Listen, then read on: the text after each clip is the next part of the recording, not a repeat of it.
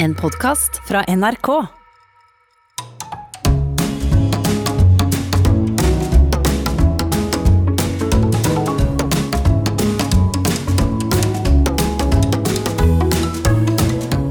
Hjertelig velkommen til Sånn er du her på NRK P2, hvor Nils Brenna Hei. Og jeg, Harald Eia, får offentlige mennesker vi er nysgjerrige på, Nils, yep.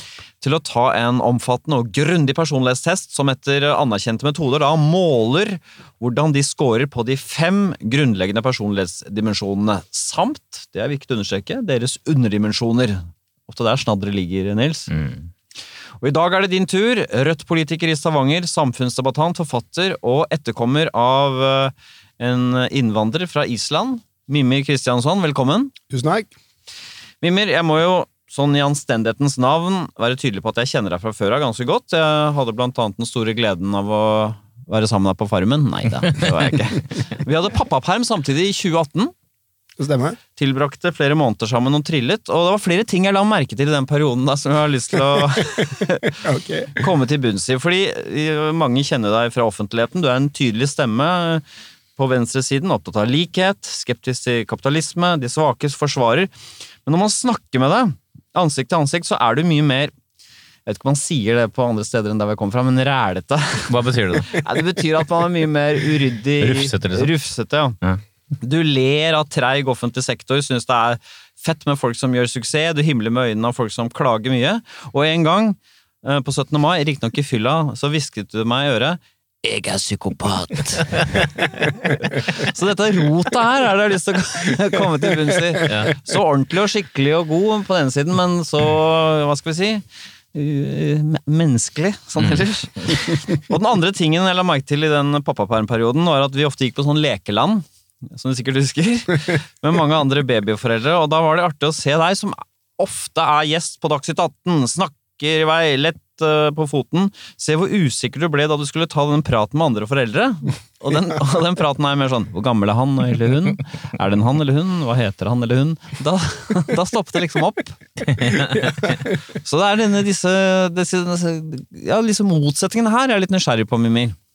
Ja, altså, for å ta det første først. Altså, jeg på en måte har jo alltid Jeg har aldri klart å passe inn Altså, jeg, jeg føler av og til det er forbannelse der at jeg havner på venstresida. For det er liksom mye mer av min personlighet som er mye mer sånn individualistisk Ja. innretta. Lite sånn kollektivistisk eh, egentlig person.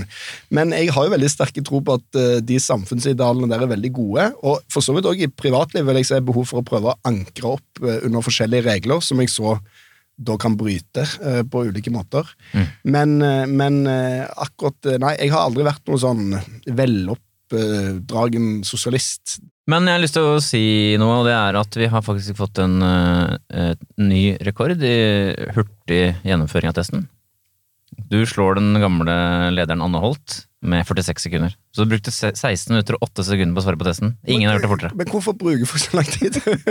Tenk Jeg, seg jeg, jeg satt, for det kan jeg bare si det, at jeg satt og tenkte meg litt om på en måte for syns skyld, for jeg har fått med meg at dere tar tiden på testen. Så tenkte jeg nå skal jeg prøve å svare litt tregere, så det ikke virker som jeg på en måte er så gjennomtenkt. Men eh, ja. Vi skal se om du er et uh, nevrotisk menneske eller ikke. Her kommer Mimmi Kristiansson score på nevrotisisme.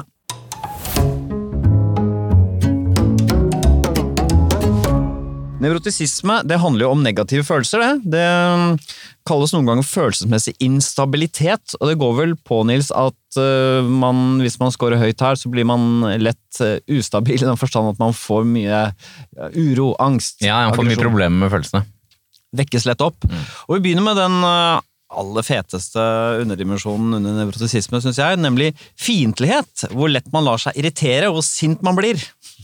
Hva tenker du, Mimir? Er du en, en som fort uh, blir forbanna? Kan jeg legge til at det frustrasjon og bitterhet ligger også her. Ja, nemlig. Nei, altså, jeg vil jo egentlig svare nei, eh, men eh, jeg mistenker jo at her, eh, her blir jeg tatt, eh, tatt grundig på senga. Så jeg føler ikke jeg er så veldig Nei, jeg føler ikke jeg er så sur. Det var veldig interessant, øh, fordi scoren er så høy at du skulle Ja. ikke kunne være i tvil.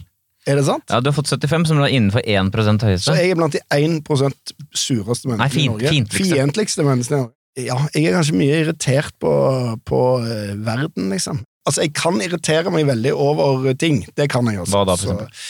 Nei, altså, det er jo alt fra Altså, det er jo på en måte nummer, altså, det, det er både tre kategorier. Den ene kategorien er jo politiske ting. Eh, Det irriterer meg, eh, vil jeg si, litt over middels. Det som irriterer meg veldig mye mer, er jo praktiske problemer som vi har, eh, særlig knyttet til betaling i nettbank. Ulike former for digital løsning. Jeg har begynt å falle bakpå på om jeg behersker digitale ting, så jeg er blitt mer og mer sånn antidigital. Det nye klasseskillet. Jeg har blitt mer og mer provosert på det, og så selvfølgelig tredje kategorien er jo mor mi, da. Så de tre tingene der er på en måte Så må din er en egen kategori. Ja. Eh, for der er det liksom et spesielt og eh, uforfalska tenåringsirritasjon som aldri har, eh, har, aldri har Hva er det du irriterer deg over? Ja, for Du må jo si litt mer om moren din. Du har flytta hjem til Stavanger. Der bor moren din, og moren din har vært kreftsyk i mange år og uføretrygda.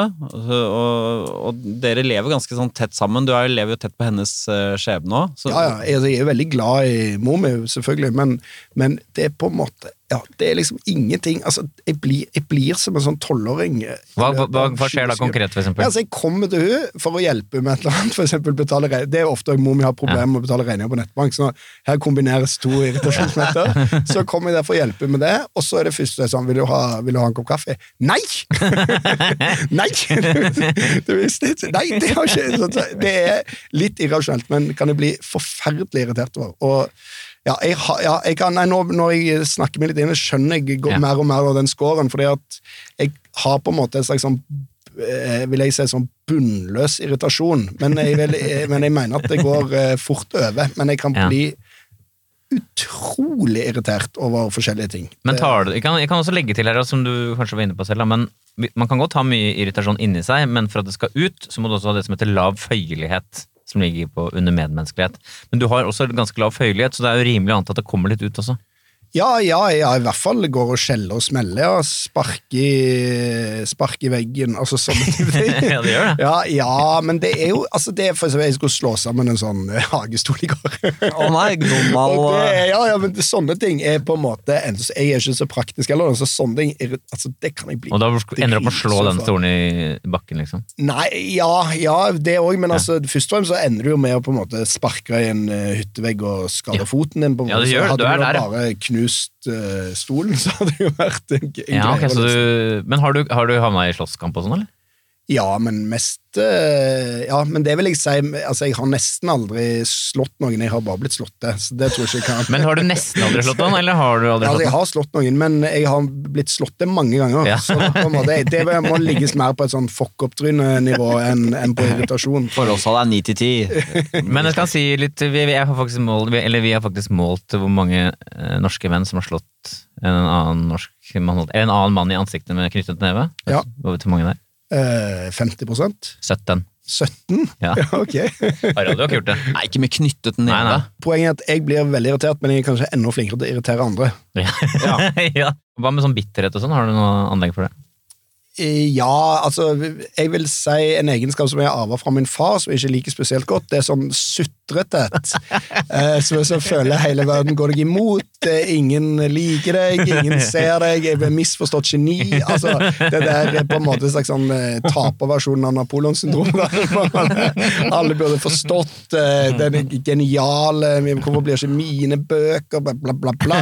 Altså, den greia der. Så det har jeg. Men det jeg føler, er at den eh, egenskapen går veldig fort over, og det gjelder egentlig alle mine følelser, inkludert irritasjon. Hva skal vi si, Nils? Mimir er en eh, Det flammer fort opp, men eh, flammen dør fort hen også, og blir ikke liggende og ulme.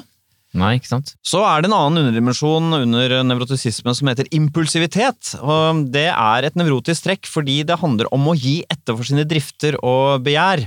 Hvis man scorer eh, lavt på dette her, så utsetter man når man har lyst på noe. Skårer Scorer man høyt og er nevrotisk, da, så må man ha det nå. Nei, det er helt uh, håpløst på. Altså, gir litt for alt. Her er det rett og slett maksscore, så her kan man trygt si at du treffer.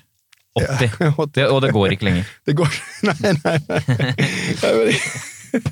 Du har vært på trygdekontoret og snakka om en sånn fyllekule en gang, hvor dere kjøpte en billett uh, midt på natta. Uh, hvor var det du dro igjen da igjen? Beograd. er det sant? ja. Altså, det du, var satt, jo- du var ute i Oslo, eller? Ja. Var... hvor mange var dere? Uh, det var vel tre som kommer oss til Beograd-temaet. Og så begynner praten å gå, da. Og så Ja, Hva skjer? så skulle vi ikke finne på noe. Altså, jeg hadde hatt løy å gjøre et eller annet opplegg. Du er lett å be når det gjelder å ta en øl til og dra på nachspiel og dra til Beograd og sånn, mm, midt på natta.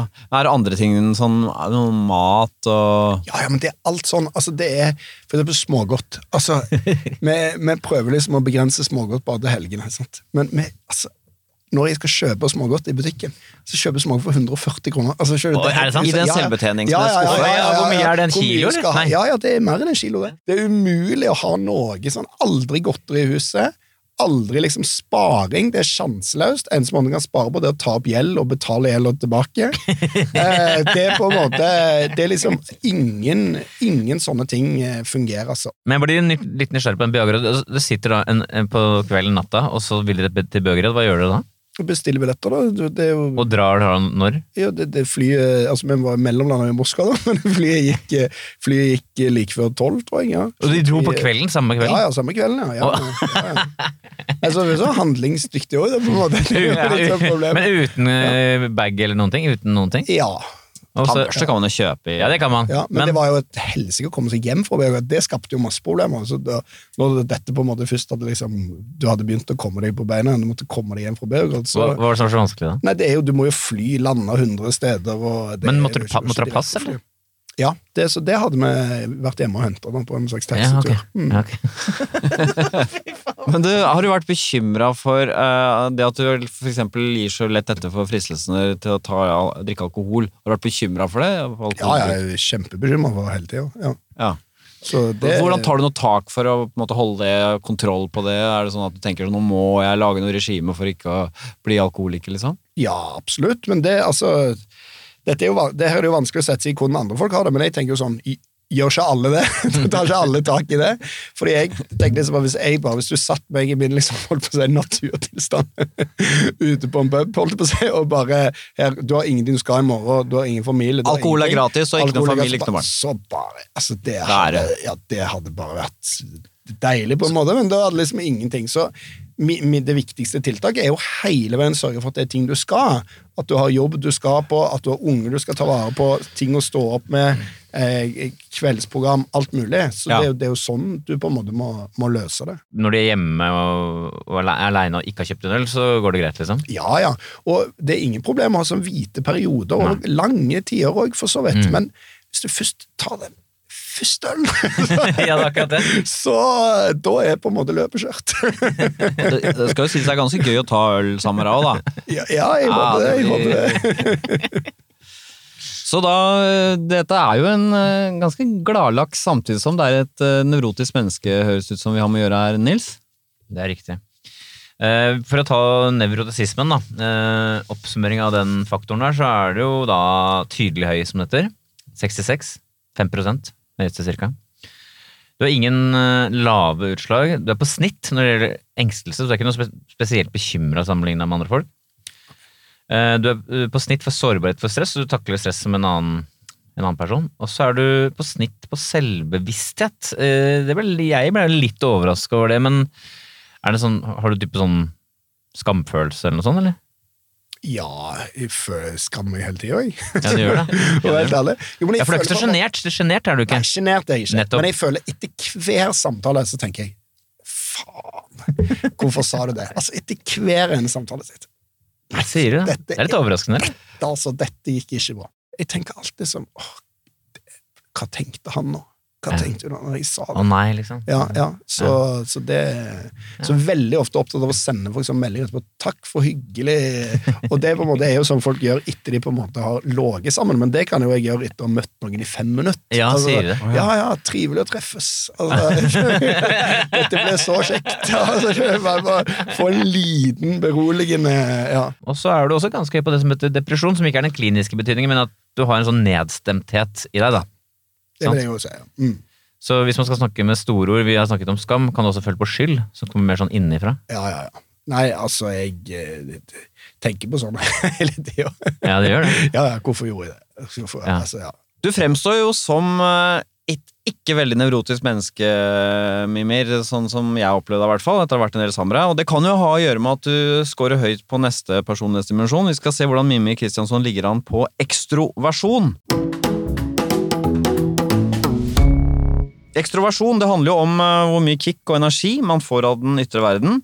Av eh, folk, aktiviteter, ting, ikke minst, man kan kjøpe, men også hvor mye eh, energi man da gir tilbake. Og vi begynner med denne underdimensjonen som heter sosialitet, hvor godt man liker å være sammen med mange mennesker på en gang. Jo fler, jo bedre. Man får energi av å være sammen med andre, da scorer man høyt. Tappes man for energi og liker å være sammen med få venner, så scorer man lavt på sosialitet. Hvordan tenker du at du ligger an her, Mimir? Jeg er litt usikker på Altså, jeg vil jo si at at jeg på en måte ikke har noe problem med å være sammen med mange folk, at jeg liker det godt, eh, og ikke har sånn behov for at vi skal være få. Men jeg, eh, litt ut ifra det du har snakket om fra den pappapermtida òg, føler ikke at jeg nødvendigvis er så glad i fremmede folk. Så jeg Nei, vet men- liksom ikke helt Men si hva 50, som eh, 50 venner, da, for eksempel. Ja, det er bare halve, det. Ja, ikke sant? Ja, det. ja. Det er jo såpass mange at det da er du jo liker du sosiale settinger. Ja, nemlig. Ja, da gjør vi det. Ja. Mm. Og du har jo, jeg Og liker si, veldig dårlig å være aleine. Nettopp. Det, Det er også en del av dette. Helt riktig. ja, Hva skjer når du er aleine? Nei, tenke skyld og skam, altså. Bruke tid på det, ja. Mm. Prøver å gå inn på internett uten å få det til? Altså, det, er bedre, det, er bedre, det er verre å sitte hjemme edru og kjenne på skyld og skam enn å være full ute som venner. Ja, og så i tillegg er det jo òg altså Jeg for eksempel eh, liker godt å ringe folk når jeg skal gå fra A til B. Ja, du gjør det. Ja, For å på en måte ikke måtte gå der og tenke gjennom Faen, hva skjedde nå? hva gjorde jeg nå? Du, pra, du holder i sjakk ved å prate nå, liksom. Ja. Ja, for den indre stemmen som kommer av Den blir borte når du møter andre. Er det så enkelt, eller? Ja, men da, altså, du har jo ikke så mye tid og kapasitet til den indre stemmen mens du er i samtale med andre. Ja, nettopp. Kan jeg si at uh, scoren er tydelig høy, som det heter. Ja. 68, og det er, det er sånn 2-3% høyeste, liksom. Ja. Det er veldig tydelig. Så, men, uh, men uh, hva er det som er så gøy med å møte masse venner? Holdt jeg på å si? Nei, altså For det første er jeg jo veldig Altså jeg kjeder meg veldig mye, føler jeg. Sånn at jeg er veldig glad for at liksom det skjer ting. Mm. Og med folk så skjer det jo alltid noen greier. Så Ja. de har funnet på et eller annet, har noe nytt å fortelle. et eller annet sånt. Så, ja. Så det er litt sånn rastløshetsting, føler jeg. ja, det skal komme til. Eh, og så er vel kanskje at jeg, jeg har jo liksom eh, kanskje konsentrasjonsvansker. så jeg sliter liksom med mange folk. Da er det litt lettere å liksom eh, holdt på å si sjonglere. Ja, sånn, ja. Slipper du sånn på en måte å gå i dybden. eh, Ja, én til én, så må du holde en det du samtale. holde, så at, så det er ikke, Tilbake så for Jeg vil gjerne ha input, men ikke så mye input. Det er litt, eh, så det er kanskje litt der det ligger. Men er det sånn, så liksom drømmescenario er liksom en svær fest, egentlig? Ja, det er veldig det er klart eh, drømmescenario, det. Mm, Ja. Det vil jeg si. Og sånne utesteder eh, som Før så var det i Oslo noe som het Kunstnernes hus, som man gikk an å gå. Der var det masse bord hvor det sto forskjellige grupperinger. Kunne man romstere rundt fra bord til bord. Det, det liker jeg veldig godt. Det ligger, jeg et veldig godt eksempel på noe jeg liker veldig Ja, ikke sant?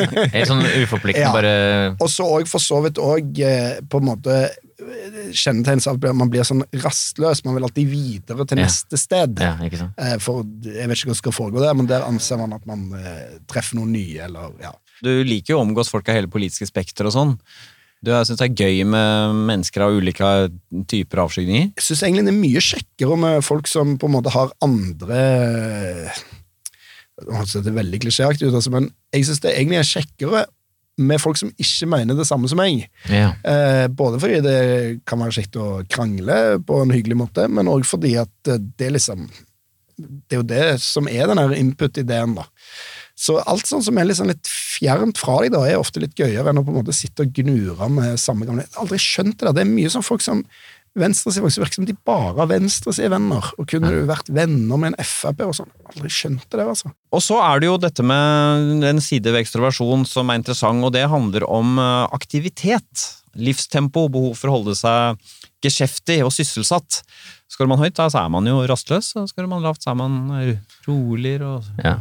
Rastløs og energisk er man gjerne hvis man har høy score. Og hvordan er det med deg? Og hengekøy og ro og fred? Altså, her, her vil jo jeg svare på en måte 110% Altså, jeg Ja, jeg Ro og fred. Nei takk.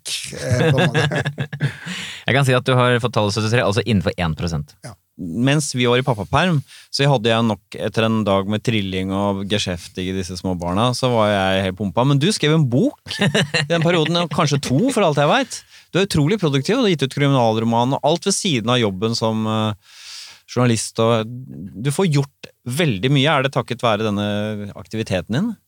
Ja, det er vel det, men det er jo òg i forhold til de skam og skyld-tingene har snakket om om ja. før. Sånn at jeg tenker jo heldigvis sånn «Ås, nei, dette Så du blir aldri er ferdig med det, liksom? Er det dette, sånn? Dette, er for dårlig, Mimir. Ja, sier du det? Så, sånn tenker jeg på en måte litt hele tida. Så jeg, Ja. egentlig aldri, jeg tror jeg er veldig dårlig til å være fornøyd yeah. med liksom eh, tingenes tilstand. Mm. Så jeg tenker alltid det der burde jeg ha fått det. Det der burde jeg ha klart. Så jeg husker jeg ga ut en bok i vår om Martin Tranmæl, og den kom ut 1. mai. Og jeg tror kanskje 7. og 8. mai så slo det meg og jeg tenkte nå er det lenge siden du har gitt ut en bok. Så, så, da har jeg på en måte totalt glemt den boka. Altså, så det, bare, det eksisterer ikke. Så jeg tror jeg er veldig dårlig på det der. og eh, jeg vet ikke, En blanding av det der hvile på laurbærene det er jo negativt, men noe sånn leve i øyeblikket, eller liksom eh, For jeg tenker alltid hva er neste prosjekt? Ja, for du skal videre, videre, du. Ja, ja. Ja. Jeg forbinder dette veldig tett knytta med sånn uro. Sånn at eh, måte, det er ikke noe Nei, trivelig alltid heller. Nei, og det er ikke nødvendigvis alltid i det lange løp så produktivt, for du får gjort enormt mye sånn umiddelbare ting, men du får ikke lagt noen særlige prosjekter in the long run. Jeg skjønner. Så det vil på en måte sikkert hindre meg alltid fra å skrive virkelig bra bøker. Det at jeg må gi ut en bok hvert halvår. Men det passa godt kanskje med å være journalist, med deadline som er jeg vet ikke om det er klokka to eller tre. Ja, ja, eller det er. og, og passer godt med å være politiker òg, egentlig. For det er Ja, nye saker, Ja. Ja, ja. nye folk, nye ting. Setter deg inn i. Sånn at på en måte Før, når jeg var yngre, så tenkte jeg at jeg var veldig smart. Mens i ettertid har vi skjønt at det egentlig ikke er så smart, men egentlig veldig kjapp. Egentlig måte, og det er to Det høres liksom ut som det samme, men det er det ikke. Jeg er liksom kjapt å skjønne ganske mye av en ting, men helt elendig på neste nivå. sånn, ja. så, så på en måte Jeg er veldig god som overflatebehandler på mange ting, men ikke noe god til å liksom ja, Så, så du blir kanskje ikke invitert til å være som bidragsyter i en sånn Norges offentlige utredning, hvor dere skal bruke to år på Altså Nå sitter jo jeg i Ytringsfrihetskommisjonen Ja, til arbitrasje, men det gjør jeg jo på en måte sammen med Magdi fra Carpe Diem, så der er Ja. vel jeg henta inn som en av klovnene i Rajas menasjeri. Det er vel egentlig det som er sannheten der. Ikke pga. min evne til å tenke lange tanker. En underdimensjon under ekstraversjon vi har snakket lite om her, Nils, eh, og det er spenningssøking. I hvilken grad man eh, søker sånn spenning i hverdagen. Det kan være litt sånn, sånn eh, alt fra berg-og-dal-bane til, men også sånn eh, emosjonelle kick. Utsette seg for fare på en eller annen måte. Ja, Jeg vil vel si ja til det, at jeg har høyt på det. Ja, og du har 69 svært høyt, nærmer deg 1% høyeste. Den eneste som kan matche deg i bunten av folk som har vært her, er Kristoffer Joner. Ja, nemlig. nemlig. Er det sånn at du Ja. syns det er gøy for eksempel, å si noe ukorrekt bare for å se hva som skjer? Riktignok har du mye skam og sånn i andre enden, men at der og da så fristes du hvis du får ideen til å si en sånn ting som kan vekke reaksjoner. Ja, det, det må jeg innrømme. Men altså, på en måte, dette kan jeg liksom se i retrospekt. Der og da foregår det jo aldri sånn at jeg kontemplerer og sier noe. Det er bare, Ja. det er det innsiktet, men i ettertid så, så må jeg jo bare innrømme ja, grunnen til at du sa det, var for å pisse off de folka. Ja, ikke sant? Eh, og det gir deg litt kick. Ja, både det, men også jeg er så lei av alle andre. Altså, De bare prater og prater, maser, maser. Aldri noen klare meninger. Men kom nå ut med det, da! Altså, så får det på en måte stå sin eh, prøve, da. Så, Ja. og, det, og det tror jeg òg i andre enden at jeg har på en måte ikke noe særlig problem med å skifte mening, vil jeg mene, eller på en måte òg å Eh, bli liksom slått ned. Så jeg, jeg, jeg tar ikke det så tungt. Så, men jeg føler andre driver og veier sine ord på gullvekt. og driver og sier bare kjør ut, altså samme det, så ser vi hvordan det går, og så ja. Ja, Så det er på tide at noen sier det, liksom. Den, Men er det, er det fordi Er det noen andre du identifiserer deg med sånn sett, som du kan liksom føle sånn slags slektskap med sånn sett? ja, altså det er jo i, I politikken er det jo Det er jo noen sånne typer jeg føler jeg kan identifisere meg fra, med alt fra liksom Aslak Sira Myhre via liksom Lars Bonheim til Ja, på en måte Per. Sandberg. Jeg føler Hver gang jeg ser noen driter seg ut i politikken, så tenker jeg det er meg. ja. altså, det er på en måte Jeg er så Ja.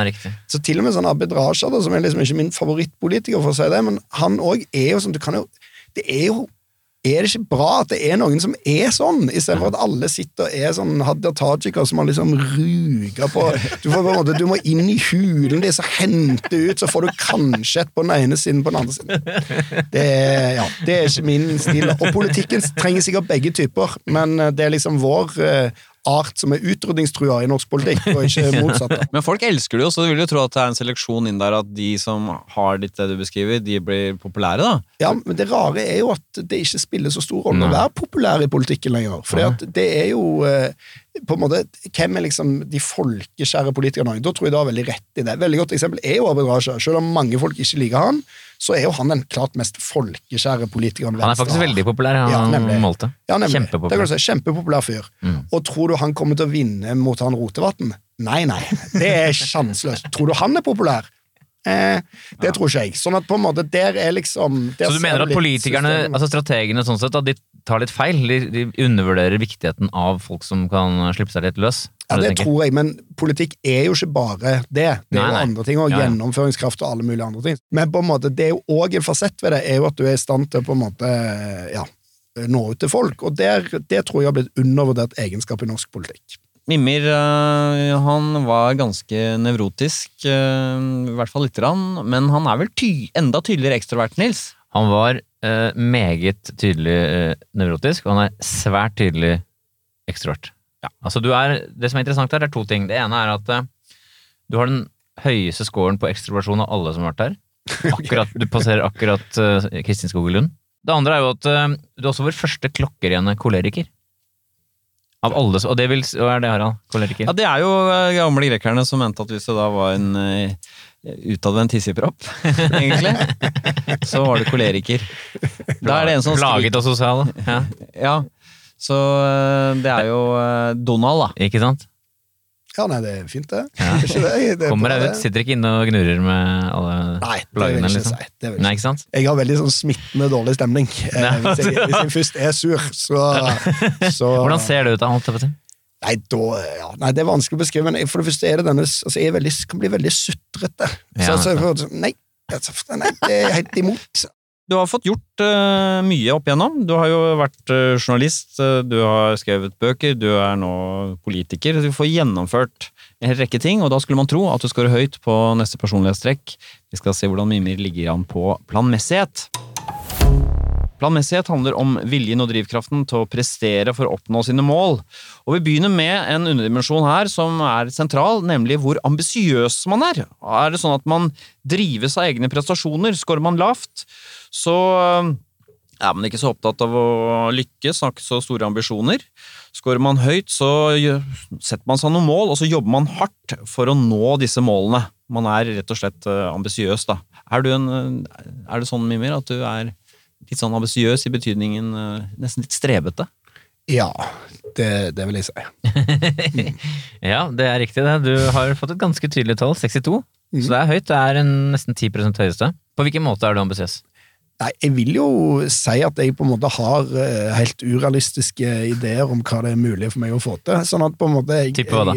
Nei, altså, hvorfor kan jeg ikke vinne Nobelprisen i litteratur? Altså, det, Ja. på en måte, Ja, hvis noen tok en tulletelefon på deg, så ville du jo gått på limpinnen fordi du tenkte ja, men det er ikke helt Ja, ja, ja, det går mulig det, altså, men jeg bare tenker liksom, det er på en måte ingen Ja, ok, det er liksom ingen grense for hva man, man tror man kan oppnå, da.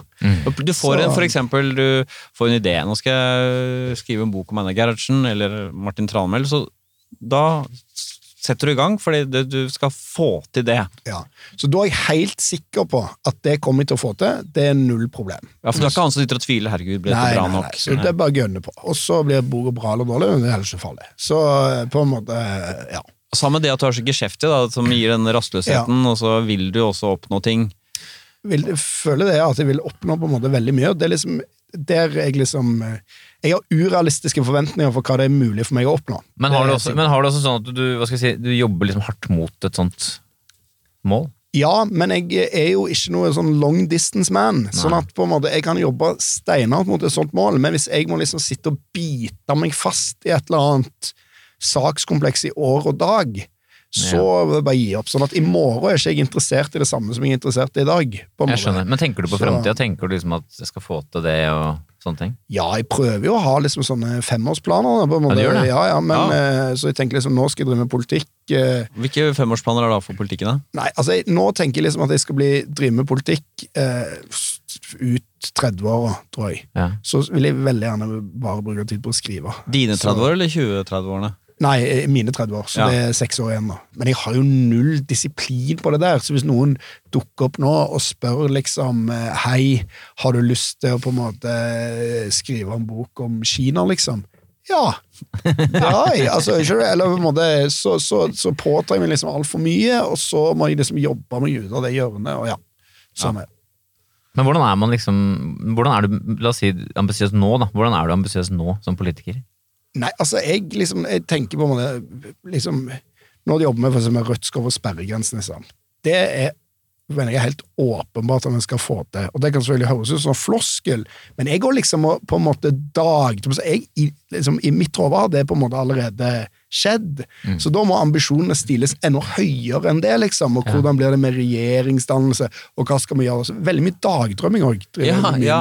Så, så langt eh, høy score på planmessighet, men planmessighet rommer jo mye mer enn eh, det å være ambisiøs, Nils. Absolutt. Og det som er litt artig, da, i anførselstegn, er jo at selv om du har den høy, ganske høye scoren på prestasjonsrebben, så har du i sum svært lav score på planmessighet. Men vi kan ta orden først. Hvor rotete og ustrukturert er du? holdt jeg?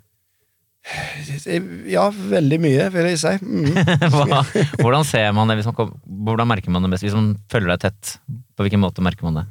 Nei, altså, det, det er på en måte Tankene virrer til alle kanter, eh, lite konsentrasjon. altså, det, det er jo det som på en måte ligger i det. Mister du ting og sånn, eller? Ja, jeg hele tiden mister, mister så, Jeg bruker altså, hver måned jeg tror jeg bruker tusenvis av kroner på sånne iPhone-øreplugger. Altså, det tror jeg er en av mine største utgifter. Bruker så mye penger på, det, jeg mister det hele tida. Og det er samme når jeg kjøper jakker. Er det de jeg- små, er det de små der du snakker, de nye små, liksom? Nei, nei, det er med, med, med ledninger. ledninger. Ja, ja. Ja. Og så alltid når jeg kjøper jakker, da kjøper jeg alltid billigste jakken på Hennes Maurits. Og det er jo ikke fordi jeg syns det er så flott jakke, det er bare fordi jeg vet de mister jakken. Og da er det ikke vits å bruke mer penger eh, på jakken enn det. Men når er det, eller hvor mister du disse jakkene? Ja, Det kan være hvor som helst, for hadde det bare vært på fylla, liksom, Ja. så hadde det vært greit nok, men det kan være hvor som helst. Det kan være liksom, Jeg er på et møte, så går jeg, så finner jeg ikke jakken, prøver jeg å ringe opp, nei, den er borte vekk. Og så, det, det på en måte skjer meg hele tida. Hjemme hos oss, da, for samboeren min er litt lik på sånn misting, Mm. så hjemme hos oss så går alltid det, det må settes av et kvarter før vi skal gå hver morgen til å lokalisere alt av nøkler og ja. Hvorfor henger du ikke bare nøkkelen på en sånn knagg? Det er umulig for meg. Sant? Det er sånn som høres veldig lett ut for andre, men det er sånn jeg sier med B-mennesker. Kanskje på stå opp om morgenen, da. Men hjemme, hos, men hjemme hos dere, det er ganske ryddig. Ja, ryddig er ikke Det er veldig rart, for ryddig er ikke jeg noe dårlig på. Nei, okay. Det er rutiner, liksom, som Ja. jeg er dårlig på. Sånn at jeg holder det på en måte ryddig, men, men ja. Ja, fordi du fikk rosa ros samboeren din for å være sånn ganske sånn Kanskje fordi du er så geskjeftig, da, men du ordner opp og pakker unna. Med småbarn er det mye tørking av søla, ikke sant. Små ting ligger overalt. Du er ganske effektiv. Når du kommer hjem fra jobb, så er det tjekker, tjekker, tjekker, det. ja Shine opp huset. Det vil jeg si. Ja. Ja, så du er ikke sånn øh, Men du, øh, tenker du den øh, Du er litt sånn som meg, det du går Du går med skjorte, men du går med sjelden med strøkne skjorter, og at det er litt sånn rotete i det estetiske uttrykket. Ja, ja, men, ja, det der har jeg bare gitt opp for lenge siden. Jeg er bare sånn jeg er. Liksom. Jeg, jeg har ikke sjans til det. Å bry, altså, bry seg om utseendet, det, det klarer jeg ikke. Altså, rett og slett, altså, om mitt eget, da. Jeg kan sikkert bry meg om andres, men, men om mitt eget, det, bare, det får jeg ikke til. Altså. Så alt sånn hårklipp og eh, ja, altså til og med kroppshygiene. Altså, det, det, det er slapt. Fordi, det, fordi jeg var, På hvilken måte dusjer du ikke, eller? Er det det? Jo, dusj, altså akkurat dusje klarer jo det, Du innarbeider jo noen dusjer og pusser tenner, liksom, klarer Ja. du. Men det er sånn som du sier, da, du har aldri en strøken skjorte. Ja. Du tar dressen fram to ganger i året, da er det hull fra, i dressen fra forrige fest. Ja, for du legger tilbake den med hullet, jeg Altså, tenker det ja, fikser det jeg. er bare det, du ser det, sant? Altså, det er alltid et eller annet sånn, da. Du ser alltid litt sånn slapp og uforberedt Men er det fordi du er så rask, du syns sånne ting er kjedelig, kanskje? eller? Ja, det tror jeg nok stemmer, altså. Men vanskelig å gå Det er nok også det der med å opptatt av andre ting, liksom. Så, blir du plutselig opptatt av noe annet, så det er vanskelig å liksom konse på det. De rutinene der. Men du har også sånn ekstremt lav score på betenksomhet, og det henger i hvert fall i ditt tilfelle kanskje litt sammen med den BH-grad-tingen, at du ikke tenker deg så nøye om. da. Nei. Du er ikke overanalyserende før du handler. Nei, tvert imot. Underanalyserende før jeg handler. Altså, bare kjør på, samme det, se hvordan det går. Og hele veien òg sånne voldsomme påfunn og initiativer. Og det er egentlig et sånn Mange sier sånn Jeg gjør mye dumt i fylla, men det, jeg gjør egentlig mye mer dumt på en måte dagen derpå. Da er jeg ofte veldig prega av sånn nå må få gjort en masse ting. Og det angrer jeg ofte på. Da sitter jeg ofte igjen med en haug med sånne forpliktelser. Du sa jo at du skulle skrive dette eposet. Hvorfor sa jeg det? Fordi jeg hadde dårlig samvittighet for jeg drakk for mye dagen før. Ah, satan, Og så må du bruke to måneder på det. Så null betenksomhet for sånn, hva som skjer i, i, i neste instans. ja. Så du har gjort mye dumt, da, sånn sett. Ja, veldig. Ekstremt mye dumt. Og det synes jeg alltid er så dumt. Når det intervjuet med, når, det er sånn fast spørsmål i mange intervjuer. Hva angrer du på? Ja. Så svarer alle de der løkene de svarer sånn Du angrer ikke på det du har gjort, du angrer på det du ikke gjorde. Altså, jeg angrer så mye på ting jeg har gjort! Jeg angrer på en måte, jeg angrer på alt sammen. Jeg sier ting du angrer på. Ja, for- Det er jo den turen til Beograd, for eksempel. Hva var det for et påfunn? Skulle på jobb dagen etterpå, måtte ringe sjefen og si du, hei, jeg er Beograd, det passer ikke, altså dette blir litt komplisert, men jeg kan flere- komme flere hjem i morgen. Nei, det er jo også sånn utspill som du har, så raser du ut med utspill. Så sier du Ja, men jeg husker da jeg var RU-leder, så var det et utspill som var sånn Norge burde bombe Israel. Jeg vet ikke faen hvorfor jeg sa det! Det er jo det dummeste jeg har hørt. Så på en måte sånne ting er det hele tida, du sitter i en debatt, men òg i sånn forholdsting eller et. Hvorfor måtte du ta opp det? Hvorfor måtte du snakke om det? Hva var grunnen til det? Men du er som alltid sier, så har du tenkt litt på det. Så ja, så på Ja. måte, du er på en måte Altså, Keynes, da, økonomen, han har noe som er beskrevet som sånn dyriske drivkrefter i økonomien, og det er det at når folk gjør ting, gjør de altfor mye av det. Og det føler jeg betegner min personlighet Ja. veldig. At jeg på en måte er liksom for eh, holdt på å si, aktiv, for geskjeftig, og jeg prøver liksom å bekjempe tidligere feil ved nye påfunn. Ikke ved å på en måte trekke meg tilbake i skallet og lagre, men liksom, dette skal jeg løse ved et nytt utspill, Ja. som på en måte skal på en måte konke ut det gamle mislykka utspillet. Og sånn er det hele tida. Så Mimir, til tross for at du er geskjeftig og får gjort mye, så er du altså da ikke en veldig planmessig type, så sånn sett eh, vil du kanskje ikke bli ansatt i toppledelsen i Orkla eller eh, Statoil, som vi fortsatt sier. Vi Men det er helt elendig leder. Altså, ble, det er sånn typisk feil som jeg gjorde når jeg jobba i avis. Da ble jeg forfremma på et tidspunkt til mellomleder. Var veldig gira på det sjøl, for jeg er ambisiøs. Så jeg vil på en måte opp i systemet. Ja, så jeg bare ikke Jeg er verdens dårligste leder. Altså, det, det, det, det er helt idiotisk. Men det, er jo fordi jeg var flink journalist. Så Ja. tenkte folk å, den flinke journalisten, han bør bli mellomleder. Men så skjønner du med en gang du går opp der, det der skal ikke ha en sånn fyr. Knapt mulig å stole på. Sant? Så plutselig er han sjefen din. Så et sinnssykt labilt humør. Enorm energisk, enorme plan. Ikke betenk, altså ikke tenkt over noe du holder på med. Skal ha en som faktisk. Det er jo helt grusomt. Og det er litt samme i politikken òg. Så jeg kan godt være med liksom, og bidra til å lage stemning rundt Rødt og sånn i valgkampen. Må ikke finne på at jeg skal drive og være sånn leder i et eller annet parti. Eller altså, Det er helt det. Så du er altså da nevrotisk, du er øh, ekstrovert, og du er ikke så veldig planmessig, men øh, du gjør mye rart. Det kan tyde på en høy score på neste personlighetstrekk. Vi skal se hvordan Mimir ligger an på åpenhet for erfaringer.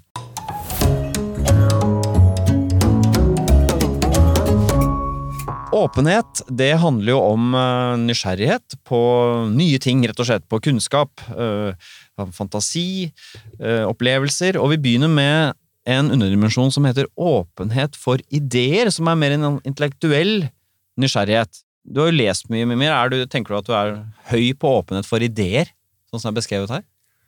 Nei, egentlig ikke. Nei. Nei, nei, du er inne på noe. Eh, Ja. Du har fått tallet 38, som er ganske lavt. Ja. Så abstrakte ting, for eksempel. Nei, det er sånn, for eksempel, for eksempel sånn, Har du noensinne tenkt på hva som er meningen med livet? Så er mitt svar nei. Aldri. Og har du noensinne tenkt på hva som skjer etter døden? Nei. Aldri. Og interesserer meg altså midt i rassen. Altså ikke interessert i den type sånn eh, på en måte verdimessig kontemplasjon over sånne ting.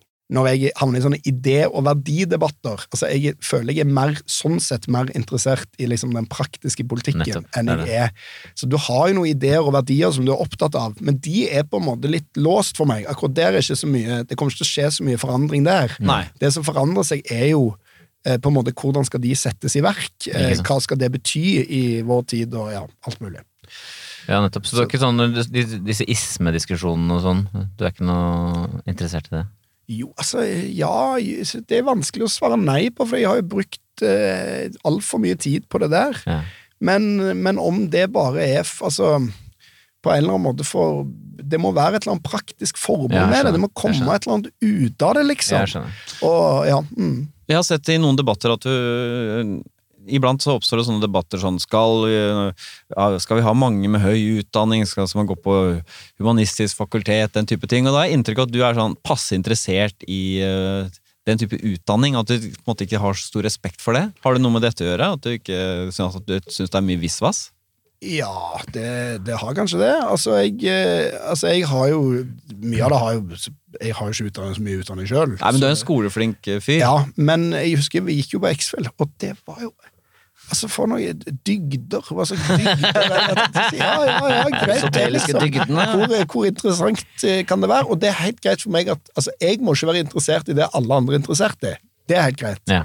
Men det kan heller ikke forventes på en måte at, eh, at det er greit for for meg at folk holder på med det, men de kan ikke forvente at jeg skal holde på med det. Mm. det kan poenget. respektere det, for den saks skyld. Jo, altså respekt kan du jo ha for det, liksom. Det er jo eh, Altså, det Men er jo tenker du at vi har utdannet for mange folk som eh, fra humanistiske fag, for eksempel, eller samfunnsvitenskapelige fag, som ikke har noen nytt, direkte nyttefunksjon? Altså, ja og nei. altså Alle de menneskene der jobber jo med et eller annet nyttig, som regel. Det utdanner jo ingen til arbeidsløshet i Norge. Men om det er så lurt at alle har gått så mange år på universitetet, det er jeg ikke jeg sikker på. Ja, så lav på åpenhet for ideer, og så er det åpenhet for verdier. Det er en annen underdimensjon, eh, Nils. Der scorer Mimir litt sånn overraskende lavt. Ja, han scorer ikke veldig lavt bare for å ta det, men du, til å være en sånn moderne person, så scorer du, eller så å si, så scorer du litt lavt kanskje. Altså spørsmålet er jo da, Det betyr jo at når du scorer lavt, at du um, ikke er sånn som mener at ja, verdier er litt relativistisk, noen liker mora, noen liker dattera. Du er litt sånn dette er riktig, dette er feil. Du har litt mer klare oppfatninger om hvordan ting skal være. Jeg er for monarki i Norge, for eksempel. ja det er det. Ja, altså, nå har jeg bare gitt opp det der å gå rundt og ha sånn prinsipiell motstand mot det. fordi at prinsipielt er det jo helt på trynet. Mm. Men nå har vi et monarki i Norge, og alle er fornøyd med det, og det funker helt fint. Så hva som i alle dager skal være hensikten med å avskaffe det, Mm. og bruke masse tid og krefter på den prosessen, det skjønner jeg ingenting av. Og du er ganske Så- positiv til religion også. Ja, positiv og positiv. Altså, jeg er jo 0% religiøs, men jeg i hvert fall har eh, mener at eh, man bør liksom ha respekt for at andre Jeg har gitt opp den ideen om at liksom, du kan banke religionen ut av folk, da, som jeg mener altfor mange folk har. At hvis du bare får liksom krangla nok med dem om det ondes problem, så vil de religiøse innse at her er det et problem som de ikke har løst, og dermed vil de bli oppvåka til en sånn eh, ateistisk tilstand. Det tror ikke jeg på. Men er det sånn at du, for det kjennetegnet folk som er litt under streken her, er jo at de i mye større grad er litt sånn, men sånn er det bare liksom. Ja, ja. I stedet for sånn, jeg er på den ene siden og på den andre ja, siden. det vil jeg si. Og det ender jo kanskje også litt sammen med den der både ubetenksomheten og rastløsheten. At jeg er jo, har jo veldig lett for å ta standpunkt til ting. Ja. og jeg tar jo på en måte veldig Det føler jeg ofte når folk, jeg snakker med folk som jeg på en måte så spør folk om er sånn, Hvordan orker du å mene så mye? Men jeg på en måte har en veldig sterk mening om alt. Ja, men det er jo interessant. og altså, ofte ja. på veldig lite kvalifisert grunnlag, altså. Men på en måte det tar meg null tid å skaffe meg en mening om et emne, og så på en måte Ja, gå i krigen for den.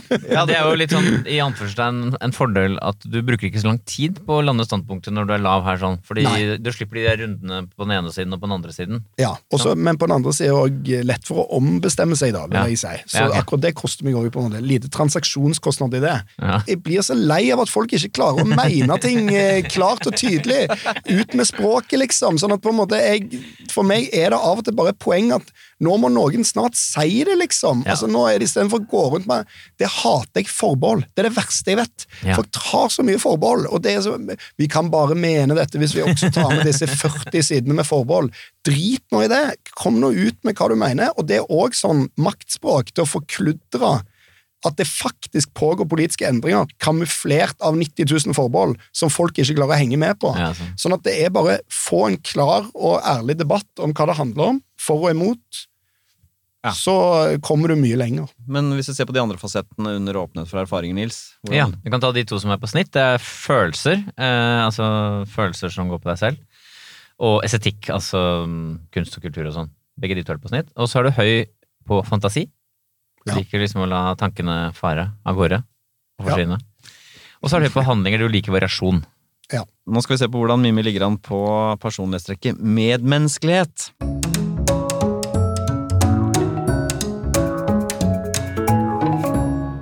Medmenneskelighet, det handler jo om eh, når man møter andre mennesker, da, Nils. Mhm. Er man da en som eh, har armene ut, de er åpne og hei og velkommen, eh, her skal det ikke være noen konflikter, her skal vi ha det hyggelig sammen, jeg skal hjelpe deg med alt mulig?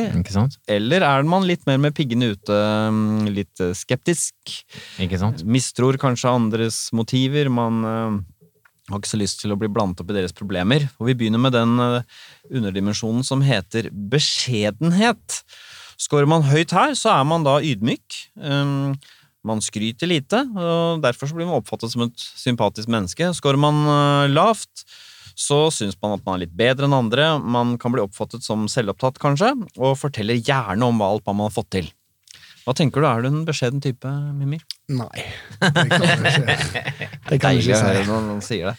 Ja, fordi dette var, eh, dette var forfriskende, fordi her har du da uh, igjen satt ny rekord i programmets Ja, ja. historie. Eh, tallet er 21, og det går ned til 20. Ja, det er det. Så veldig lite beskjeden. Ja, Ja. det kan man trygt si. Ja, altså, jeg er jo det. Jeg på en måte Jeg er jo litt sjølopptatt, vil jeg si. Veldig glad i å snakke om meg sjøl. Kanskje dårlig lytter, eh, muligens, hvis det, går, hvis det er lov å si. Og på en måte Ja, og liksom Hvis jeg har gjort noe bra, da, Ja. så er det ikke sånn at andre får tid til å oppdage det. Det, det kommer jeg eh, dundrende gjennom låvedøren med. Nå skal dere høre hvor utrolig bra det gikk. Så jeg var på en debatt i forrige uke da, og spurte på en måte samme om gikk det bra. Det gikk så sinnssykt bra! Så Så det er ikke noe tid til å på en måte ja. Men er det sånn er, er- Så du sånn kjenner liksom på en trang til å, å rose deg selv, da? Ja, ja, så selvrosa, det er helt ekstremt. Men det har jeg jo arva fra mor mi, altså. Hun roser seg sjøl òg. Så ja, ja. Så det, så Hva er det mora di er- sier, for eksempel? da? Nei, nei, hun, hun er veldig ofte sånn eh, unik. Jeg er den eneste som har gjort altså sånn, Og det er jeg på en måte òg veldig opptatt av. eh, I politikken det var ganske god egenskap, faktisk, å være god på sånn sjølros. Men, men hva er det du, for eksempel, hva er det du, Si noen ting du er fornøyd med, da. Sånn, Nei, altså, fornøyd med altså, Det, det vil være litt rart å si, altså, jeg ikke, for jeg er li, veldig lite fornøyd. ja, sånn, ja. Du har fått til utrolige ting, da, Mimmi. Kom men, igjen. Og... men jeg føler vel at liksom når eh, jeg er oppe i den der hybrisfasen som jeg òg er i, Mm. så eh, kan jeg liksom fortelle liksom dette ble så sinnssykt bra, og Mm. ja, Jeg kan ta et eksempel. da. Når jeg skriver i aviser, så leser jeg alltid det jeg sjøl har skrevet, og det er det første jeg leser. Når det kommer avis på døra, så leser jeg det jeg sjøl har skrevet, og da tenker jeg alltid dette var jævla bra. dette var jævla bra. Her om dagen begynte jeg å lese en bok jeg skrev for flere år siden, og så begynte jeg å lese, satt det så bra. dette. Det ligger noen inni deg, en sånn, litt sånn kjerne av at du føler deg spesiell? Er det litt sånn? Ja, det tror jeg faktisk Ja. jeg vil si. Det er en sånn dyp følelse, egentlig. Ja. Mm. Uh, og det, det er jo uh, Det er på en måte altså Oftest tenker jeg hvis jeg hadde vært jente, så hadde dette bare vært sinnssykt rost at jeg hadde disse egenskapene. Ja, uh, så derfor prøver jeg å Jeg har datter, så jeg prøver å påføre henne mest mulig, så hun på en måte bare kan ha den ubegrensa sjøltilliten, Ja. men som dame. Det tenker jeg hadde vært en veldig bra kombinasjon. Hvis du kommer i et selskap, tenker du da her kommer litt av en type? Ja, ja på det, liksom, det er veldig rart. og Dette synes jeg var vanskelig på en måte å si noe om. fordi at det er på en måte både ja og nei. Altså Ja. På den ene sida så tenker jeg sånn Wow! Nå går det så bra her, liksom! Men på den andre sida så tenker jeg jo hele veien sånn Dette er ikke bra nok. Dette Ja, ikke, ikke sant? Det er det Så det er, akkurat der er det voldsomt sånt spenn, da. Så jeg er på en måte Jeg vil for eksempel aldri si at jeg er fornøyd med meg sjøl. Det vil jeg faktisk si at jeg nesten aldri er. Men samtidig òg kan få sånne overstrømmelser, sånne hybrisanfall, der føles det som, som nå. En annen som uh, har denne kombinasjonen av da, si skamfølelse, men samtidig sånn dyp selvgodhet, er programleder i Dagsnytt 18, Sigrid Sollund. Ja, det. Så det er jo noe med det, det, blir, det må være en veldig interessante krefter som jobber mot hverandre. ja, det er det, og det, det er rart at det, de lever på en måte godt side om side òg. Det er nesten så man ikke kan forstå det, men si litt mer, da. Hva, Nei, altså, du er kommer inn, ikke sant? Her kommer jeg, jeg er jo tross alt litt spesiell og sånn. Ja, og så samtidig så tenker du med en gang liksom, samtalen en gang, så tenker du Burde jeg sagt det? så, at, altså, det var dumt. Det var dumt. Og så gass og brem Så at, samtidig. ja, det er på en måte Ja, ja. veldig sånn Så jeg på en måte jeg, jeg, liksom det er sånn jeg, Er du sjølbevisst, så er jo egentlig svaret på det aldri før jeg gjør noe, men Nei. veldig ofte etterpå. Så Ja. kan jeg være ekstremt Så mye sånn Nettopp, skyld og skam da, som vi snakket om, det er det mye av. Men veldig lite sånn på forhånd angst, engstelse. Nei. Jeg tenker bare, Det tar jeg på sparket. Jeg er helt uforberedt. Det spiller ingen rolle. På. Og etterpå så tenker jeg å nei, det burde jeg aldri ha gjort. Og sånn. Empati er jo en av underdimensjonene under medmenneskelighet. Det handler jo om hvor mye man føler med andre mennesker, da. ikke sant? Har du vondt av folk når de har det vanskelig, for eksempel?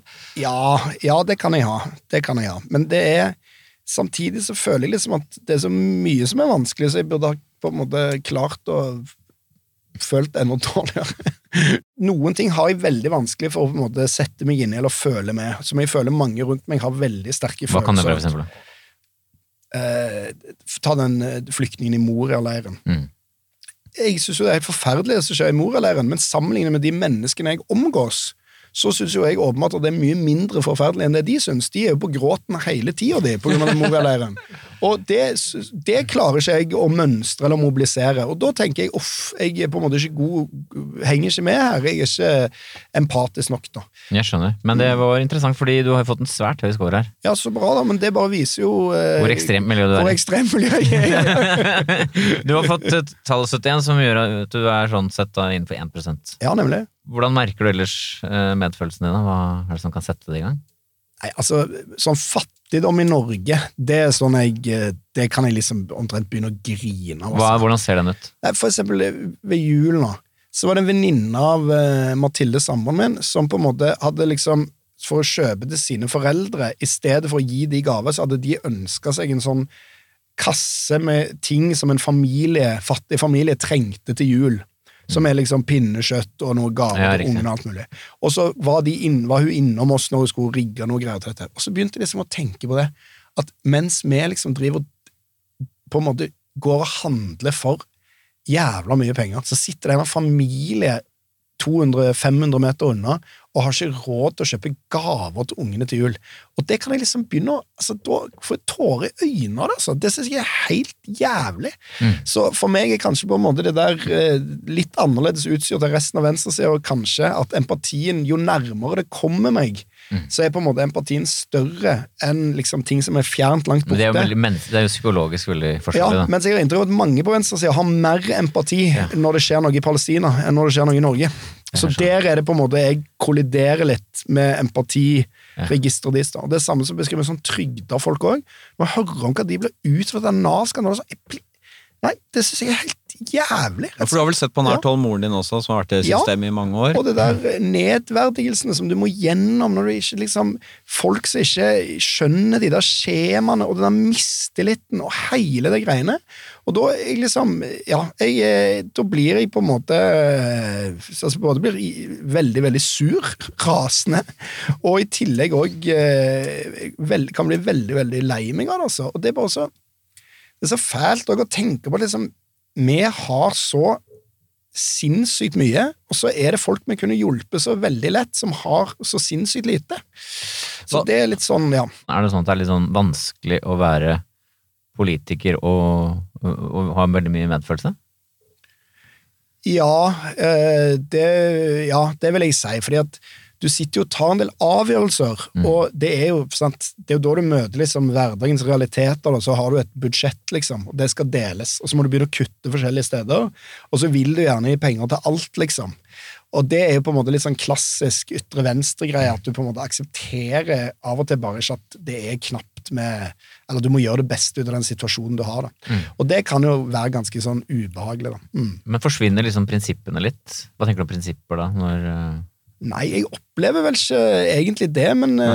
jeg opplever vel at du på en måte er nødt til å gjøre det beste ut av de prinsippene du har, og det er mange som ofte trekker opp sånn eh, skarpt skille mellom eh, prinsipiell eller pragmatisk, men for meg så henger det egentlig veldig sammen. Du har et mål, som sikkert er helt uoppnåelig, da, utopi, som du beveger deg taktfast i retning av et én krone av gangen, liksom. Mens for andre så framstår det sånn nei, men det er umulig å være så prinsipiell, så da bare gir de opp hele greia, Ja, liksom. Ja. Og det, det har jeg aldri helt skjønt. Så for meg henger det ganske greit sammen, egentlig. Mimir har jo så langt, under medmenneskelighet, en litt sånn um, uklar profil. Han er uh, ganske ubeskjeden type, som gjør, er lavscore, og så er han veldig empatisk, som er høyscore. Så ligner de hverandre ut, disse her, eller hvordan uh, ender han opp? I sum så havner du på sånn touch av høy, altså øvre del av normalområdet, som vi sier. Du er høy, meget høy på tillit, du er ikke noe skeptisk type, liksom. Du tenker at folk har gode intensjoner.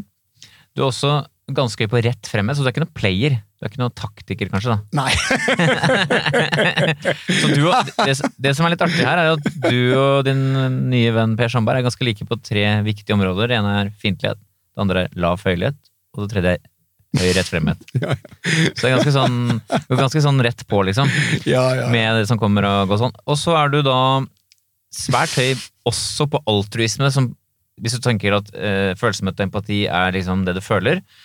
Altruisme er liksom å agere på det, at du er hjelpsom Mm. og at du ikke er egoistisk. Du er lite egoistisk. Så du er selvgod, men ikke egoistisk. Ja, det er jo greit, det. Vi må oppsummere hvem egentlig Mimir Kristiansson er.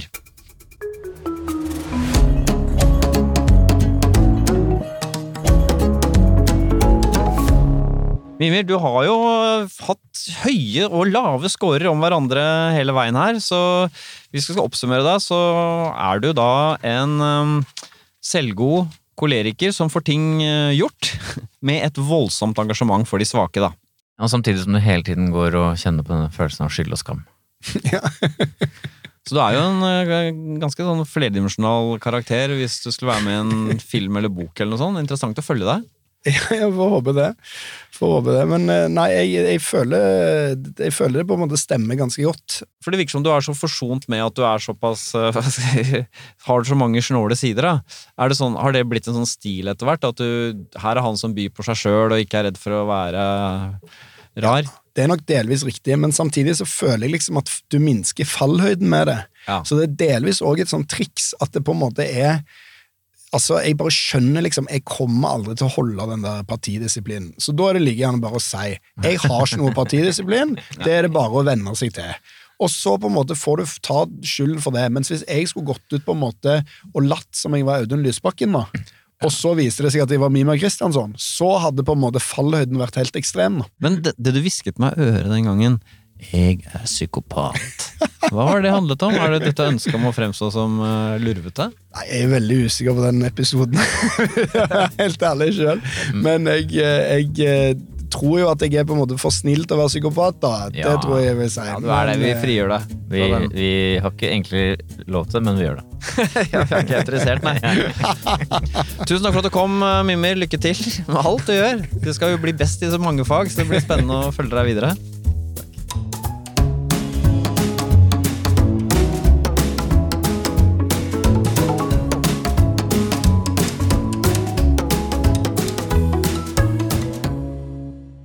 Du har hørt en podkast fra NRK.